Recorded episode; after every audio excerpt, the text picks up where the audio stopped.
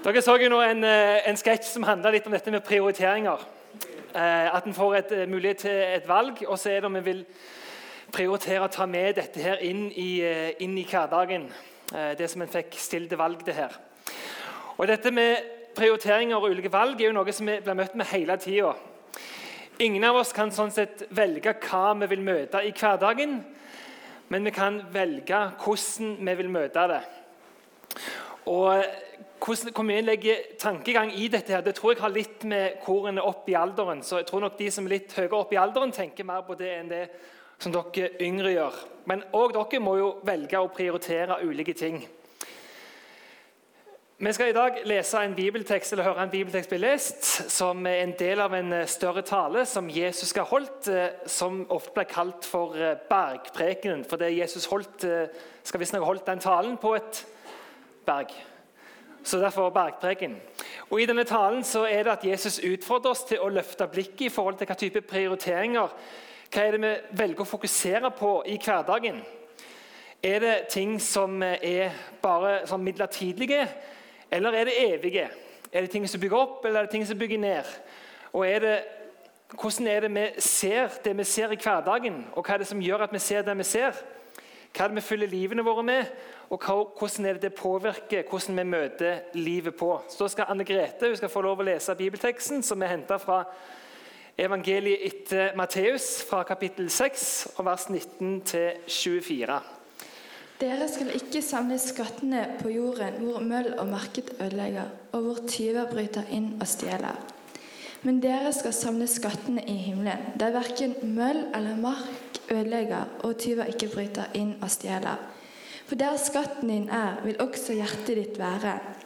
Øyet er, øyet er kroppens lampe. Om øyet ditt er klart, er det fordi kroppen er fylt av lys. Men om øyet ditt er sykt, er det fordi kroppen er full av mørke. Eh, er når lyset i deg mørk, hvor dyp blir ikke det mørke? Ingen kan tjene to herrer. Han vil hate den ene og elske den andre. Eh, eller holde seg til den ene og forkaste den andre. Dere kan ikke tjene både Gud og Mammon. Tusen takk skal du ha, Anne Grete. La oss eh, sammen eh, be. Gode Gud, takk for dette ordet som eh, vi har blitt gitt. Hjelp oss å være åpne for det, og eh, hjelp oss til å se hva du ønsker å si til oss i dag. Gud, vi ber. Amen. Ja, Det er flere poeng fra denne her teksten som eh, Anne Grete leste fra. Men jeg skal ta og peke på spesielt eh, to nå i begynnelsen. Det ene er det, hva skatter er det vi fyller livene våre med? For dette med skatter er jo noe som ikke bare en kaptein Sabeltann eller annen person springer rundt og jakter etter. Alle oss er jo rundt og jakter etter skatter gjennom hele livet. Men det fins ulike skatter av ulik type verdi. Noen skatter kan virke veldig bra, men verdien deres er egentlig bare midlertidig. Det er ikke noe som holder over lang tid. Og så er det noen skatter som er mer synlige enn andre, og Noen av disse skattene er noen som har en evig verdi, noe som har en lang verdi, noe som en kan bygge noe virkelig på. Og Det andre som Jesus taler om i denne teksten, det er i forhold til dette med å se. Ingen av oss kan se av oss sjøl. Hvis du skrur av lyset, så blir det jo helt mørkt. for Øynene våre er jo avhengige av at det er en lyskilde utenfor oss som gir oss lys. Og Det som vi fyller livene våre med, det, hjelper, det påvirker synet vårt i forhold til livet generelt. Så hva er det vi fyller livene våre med i forhold til hvordan det påvirker synet vårt? Fyller vi livene våre med ting som påvirker synet vårt på oss sjøl og på andre på en positiv måte? På noe som bygger opp, eller på noe som river ned? Hva er det vi fyller livene våre med, som gjør at vi ser det vi ser? For alt det vi møter, påvirker oss på en eller annen måte. En 17-åring eh, skrev nettopp et leserinnlegg i avisen Aftenposten. Det tror jeg ingen under 65 har lest. Neida. Men Der skriver han om noe som han brukte veldig mye tid på og investerte tid i, som påvirka hva han så, og hva han la ned energien i. Og Da var det opp imot dette med mobiltelefonen, hvor han skriver at fra jeg var 13 til 16 år, brukte jeg 3276 timer på sosiale medier. Og Dersom vi tar utgangspunkt i tre timers skjermtid daglig Jeg skulle ønske det hadde vært et lovverk som hadde hindret meg i å kaste bort så mye tid på å ødelegge min egen konsentrasjon og selvbilde. Det å se hvor mye tid en bruker på mobilen, det er egentlig ganske skummelt og avslørende. Men det er jo òg noe som en kan gjøre, og kan stille seg spørsmål til hva er det egentlig dette her gjør for livet mitt, og i forhold til hva jeg ser, i forhold til hvordan jeg ser på meg sjøl, og hvordan jeg ser på hverandre. I dag så er det jo morsdag. Og eh, Visste dere at eh, første gangen en markerte morsdag offentlig her i Norge, så var det i en metodistkirke i Bergen i 1918? Det kan du lese om i eh, helgas Bergens Tidende. Så nå sitter Arne Birkedal og noterer flittig bak her.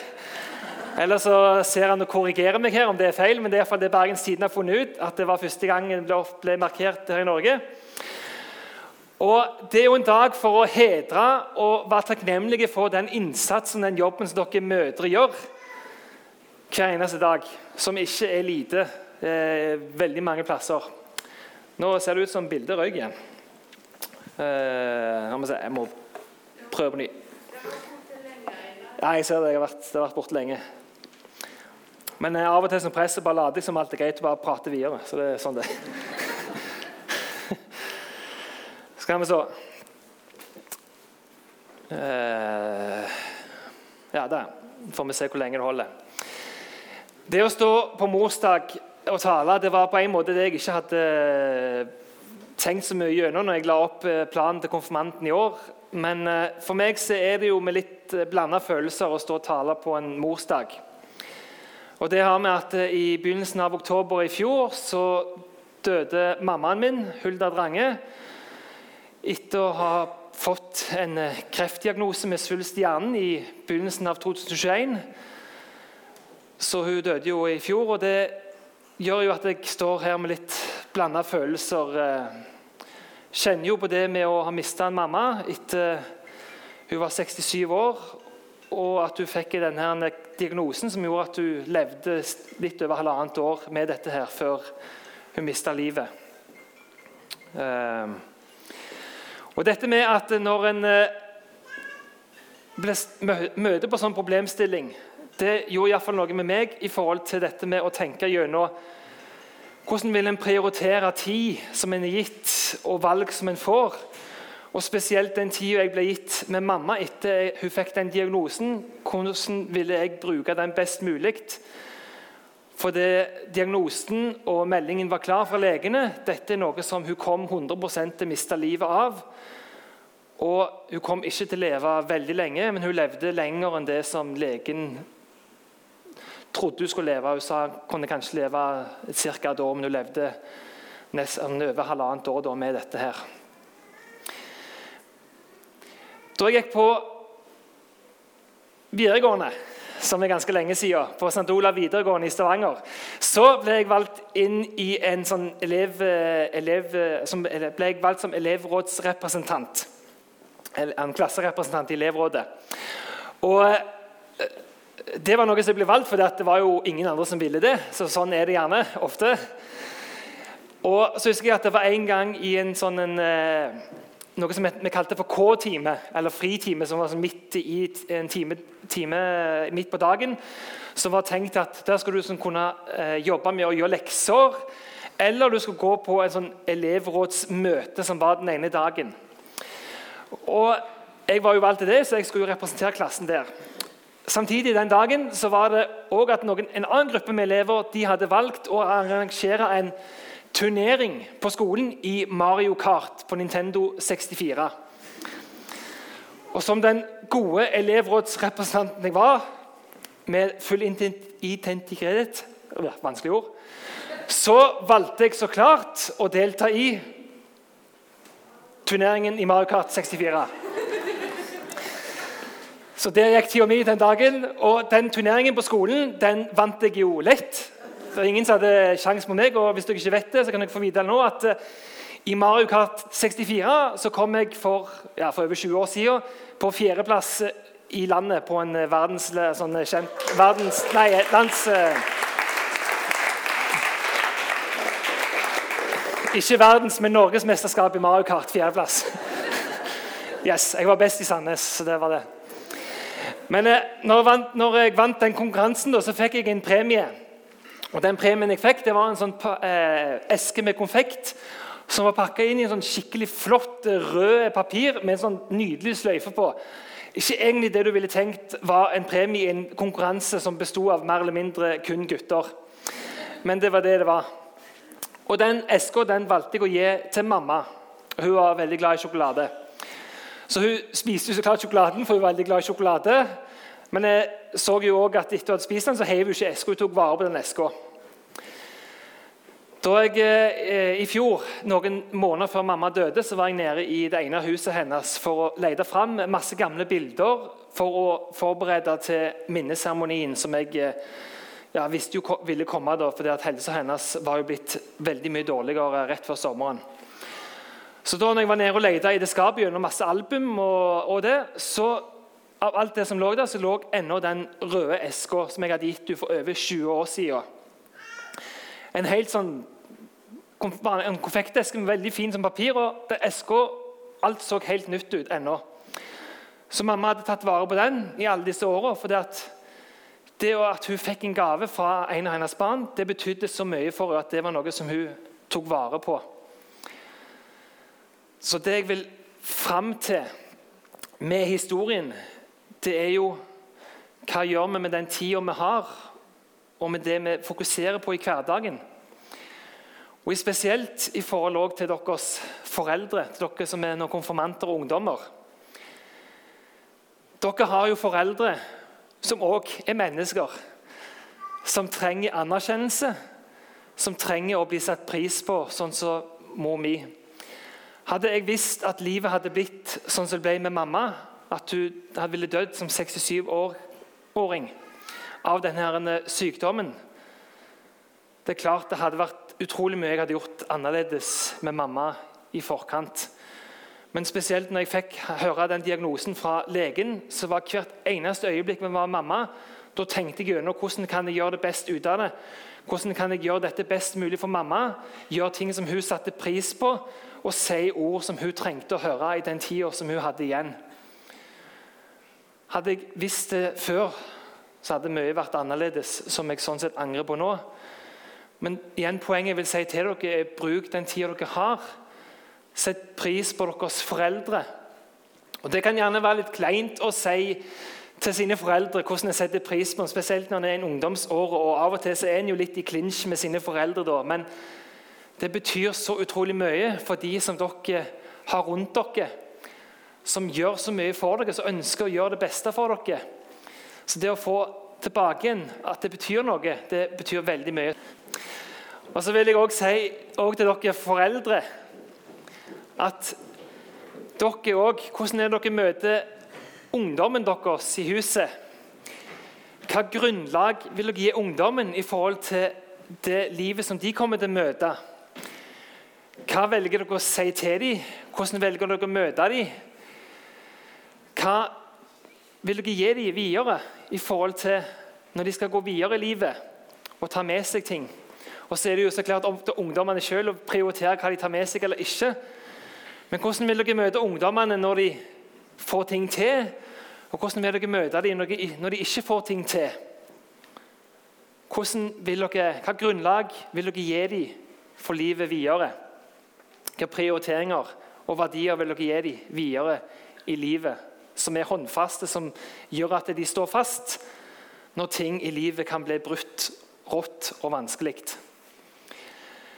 Jeg har som jeg pleier å si, fire søyler som jeg bygger livet på. Som, gir, som er gode ting å ta med i livet. Så nå kan dere notere dere som ønsker det.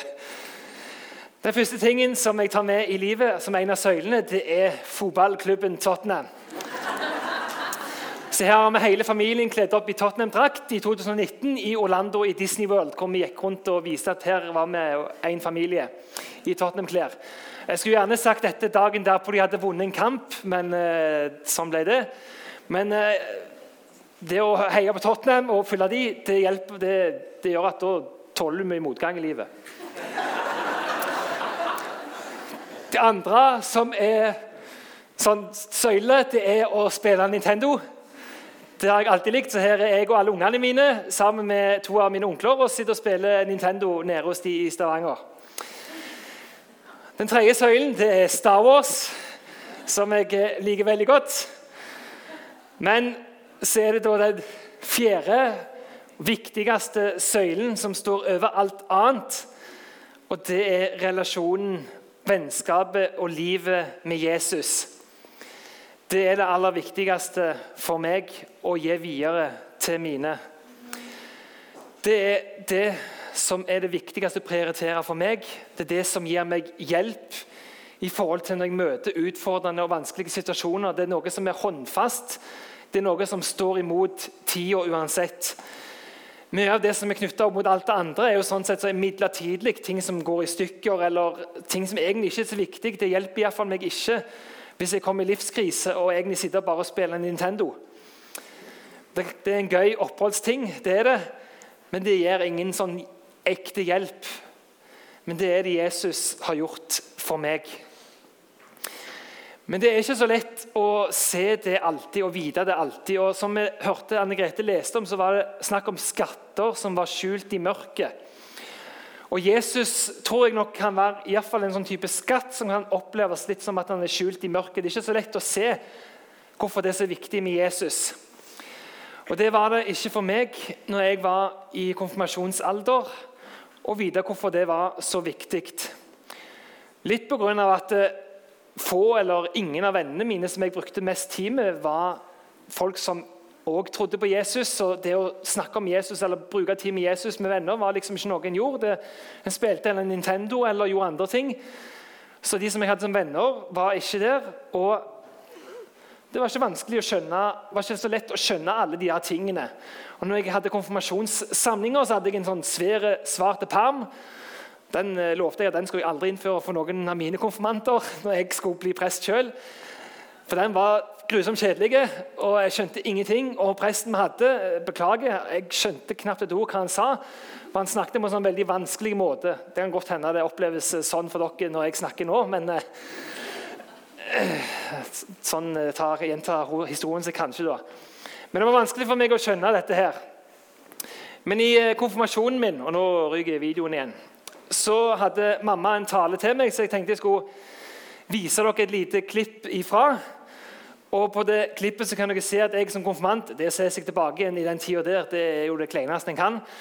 Så ser han at jeg gjør meg nok litt, sånn til, og jeg skjønner ikke helt uh, jeg ser ikke helt viktigheten i hva det mamma vil prøve å si til meg i konfirmasjonstalen som hun hadde med meg på festen. da. Så dere får se et lite klipp.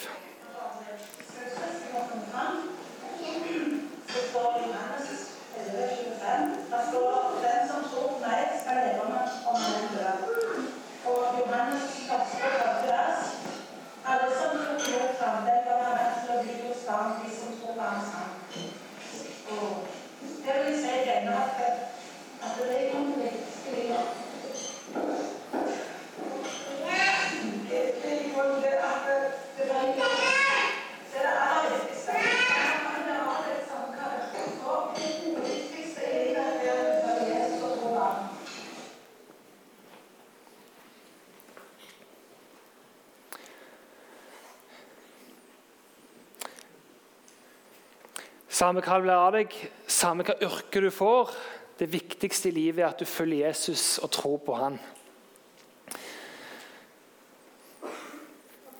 Det er mamma sitt livstestamente til meg og til mine søsken. Å følge Jesus. Og Det var ikke så lett for meg å skjønne der og da, men det er det som har stått igjen som det viktigste likevel nå i etterkant. Og det var det som mamma sjøl hadde med seg i alt det hun gjorde. Men det er ikke så lett alltid å vite det. Og så er jo spørsmålet ja, hvorfor. Hvorfor er det så viktig? Hvorfor Jesus? Hvorfor akkurat han? Hvorfor er det viktigste livet å tro på han og følge han? Så jeg vil ta to punkter i forhold til det. Det ene er at Jesus gir et fast holdepunkt for livet.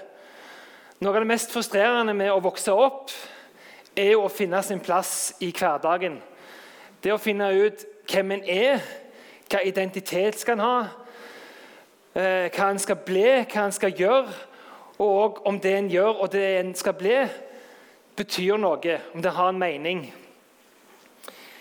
Jesus er en som gir oss alle en mening som er det som det livet handler om. Og Det handler da ikke om hva yrke du får, eller karakterer du får, hva du får til eller ikke får til, om alt i livet ditt oppleves som vellykka eller ikke vellykka, om ting går i stykker eller om alt går bra. Uansett så er meningen med livet ditt like mye verdt uansett hvordan det går med deg i livet.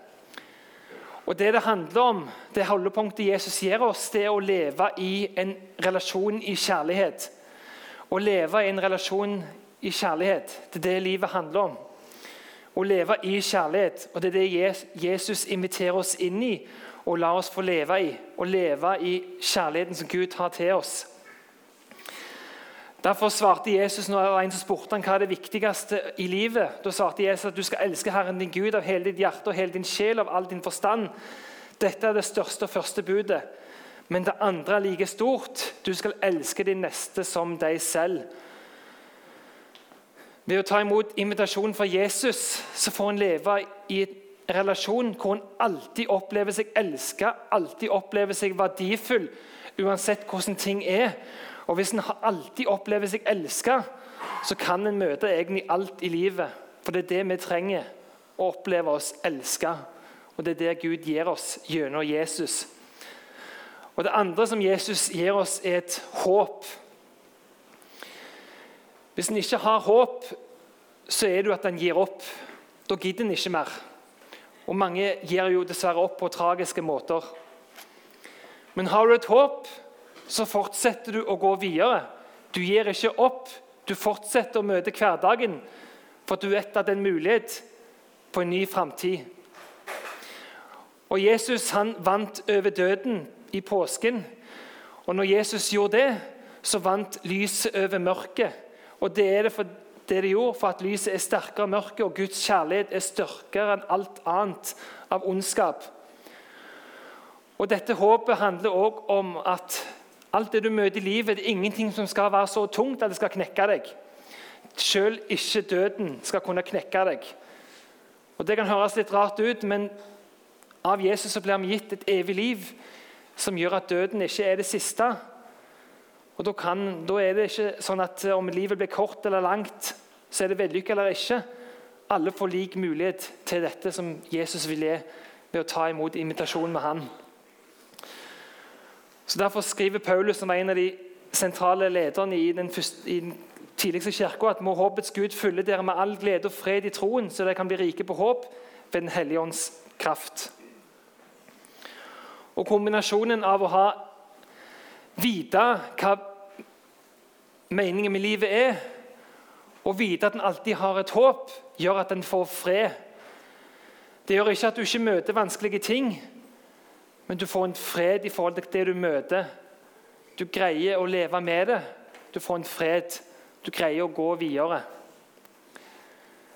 Og Derfor skriver Paulus i dag brev hvor han ønsker alle som følger Jesus, at må Guds fred, som overgår alt forstand, skal bevare deres hjerter og tanker i Kristus Jesus.